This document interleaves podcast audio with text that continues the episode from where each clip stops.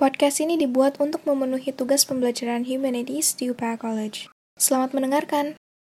Hai semuanya, selamat datang di podcast kali ini bersama saya, Grace. Dan Luis, topik yang akan kita bahas bersama-sama di podcast kali ini adalah COVID-19 di mata Menteri Kesehatan Indonesia. Iya benar sekali Luis, hari ini kita akan membahas mengenai COVID-19 yang merupakan fenomena yang terjadi di Indonesia maupun secara global. Luis, kalau dilihat dari topiknya sendiri nih, kita sudah pasti tahu lah ya siapa bintang tamu kita kali ini. Iya, bener banget. Bintang tamu kita hari ini adalah perwakilan dari Kementerian Kesehatan Indonesia. Mari kita sapa mereka terlebih dahulu. Apa kabar nih para ibu Kemenkes? Wah, puji Tuhan baik. Sehat-sehat ya, Bu? Puji Tuhan, semua tentu senang lah ya kalau dalam keadaan sehat, apalagi saat situasi pandemi seperti ini. Puji Tuhannya kami semua di sini masih diberi kesehatan dan juga diberi kesempatan juga untuk bisa berbincang bersama para ibu Kemenkes. Jadi bagaimana nih Bu situasi COVID-19 di Indonesia saat ini? Kalau mau berbicara mengenai situasi saat ini, sebenarnya semakin hari semakin meningkat saja sih, baik itu untuk angka positifnya maupun untuk angka kasus aktifnya juga. Dan tidak hanya kami sebagai Kemenkes yang bisa melihat bagaimana perkembangannya, tapi masyarakat umum juga bisa memantau mengenai perkembangan dari COVID-19 sendiri di situs corona.jakarta.go.id misalnya. Iya betul, kalau kondisi di hari ini sih sempat saya lihat terakhir tadi, kasus aktifnya itu mencapai 71.658 jiwa di seluruh Indonesia. Wah betul sih Bu, memang sayangnya masih terus meningkat ya sampai saat ini. Kalau boleh tahu nih Bu, kira-kira apa saja yang memang sudah sempat dilakukan sebagai upaya pencegahan penularan? Kalau mau berbicara secara umum, kita sudah menerapkan protokol-protokol kesehatan di berbagai tempat, apalagi tempat-tempat umum begitu. Bisa dilihat di www.kemkes.go.id. Nah, kami juga sudah menerapkan bagaimana peraturan selama PSBB berlangsung di tempat kerja.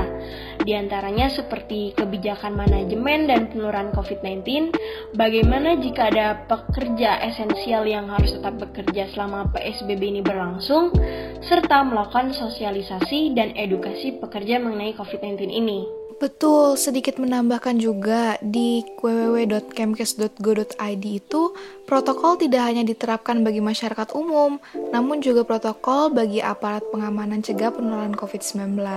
Nah, itu kan kalau mau berbicara secara umum ya. Kalau hal-hal lain seperti pemantauan itu juga kami lakukan. Misalnya, seperti pemantauan jumlah pasien, jumlah tenaga kesehatan masyarakatnya yang apakah sebanding atau enggak nih sama pasiennya. Lalu bagaimana rumah sakit yang menangani COVID-19, apakah jumlahnya cukup? Dan tentu kami juga menyarankan tes-tes seperti rapid, serologi maupun swab bagi orang-orang yang memang bergejala ataupun tidak. Dan pada akhirnya dari semua itu, tentu kami juga mau melihat apakah penanggulangannya di Indonesia itu sudah baik atau belum dengan membandingkannya dengan negara lain. Wah, memangnya kalau dilihat dari sisi jumlah tenaga kesehatan nih sendiri nih Bu, bagaimana kondisinya Bu?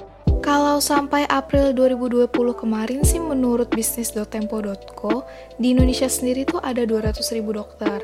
Jadi 148 ribu itu dokter umum dan 52 ribu dokter spesialis. Kalau yang dokter spesialis itu hanya dokter spesialis paru, spesialis anak, spesialis penyakit dalam yang konsultan paru dan konsultan penyakit tropis yang menjadi DPJP sih begitu. Wah, ternyata Kemenkes sudah banyak membantu rakyat Indonesia ya dalam masa pandemi ini. Mungkin dari tadi kita sudah bertanya dari sisi Ibu Kemenkes sendiri. Nah, kalau mau melihat dari sisi masyarakat, menurut Ibu bagaimana sih respon masyarakat Indonesia terkait pandemi COVID-19 ini, Bu? Jauh ini masyarakat sekarang sudah lebih tenang dan tidak panik lah ya. Berbeda sekali dengan saat awal-awal masuknya virus ini ke Indonesia.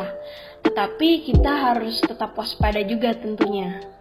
Betul, karena bagaimanapun juga kalau penanganannya hanya diberikan tapi masyarakat tidak ikut bekerja sama dengan mematuhi pemerintah ya tidak ada hasilnya. Ya, benar juga sih Bu. Tapi sebenarnya kita juga bisa melihat kalau COVID-19 ini meningkatkan rasa solidaritas masyarakat walau gak terlalu kelihatan sih ya.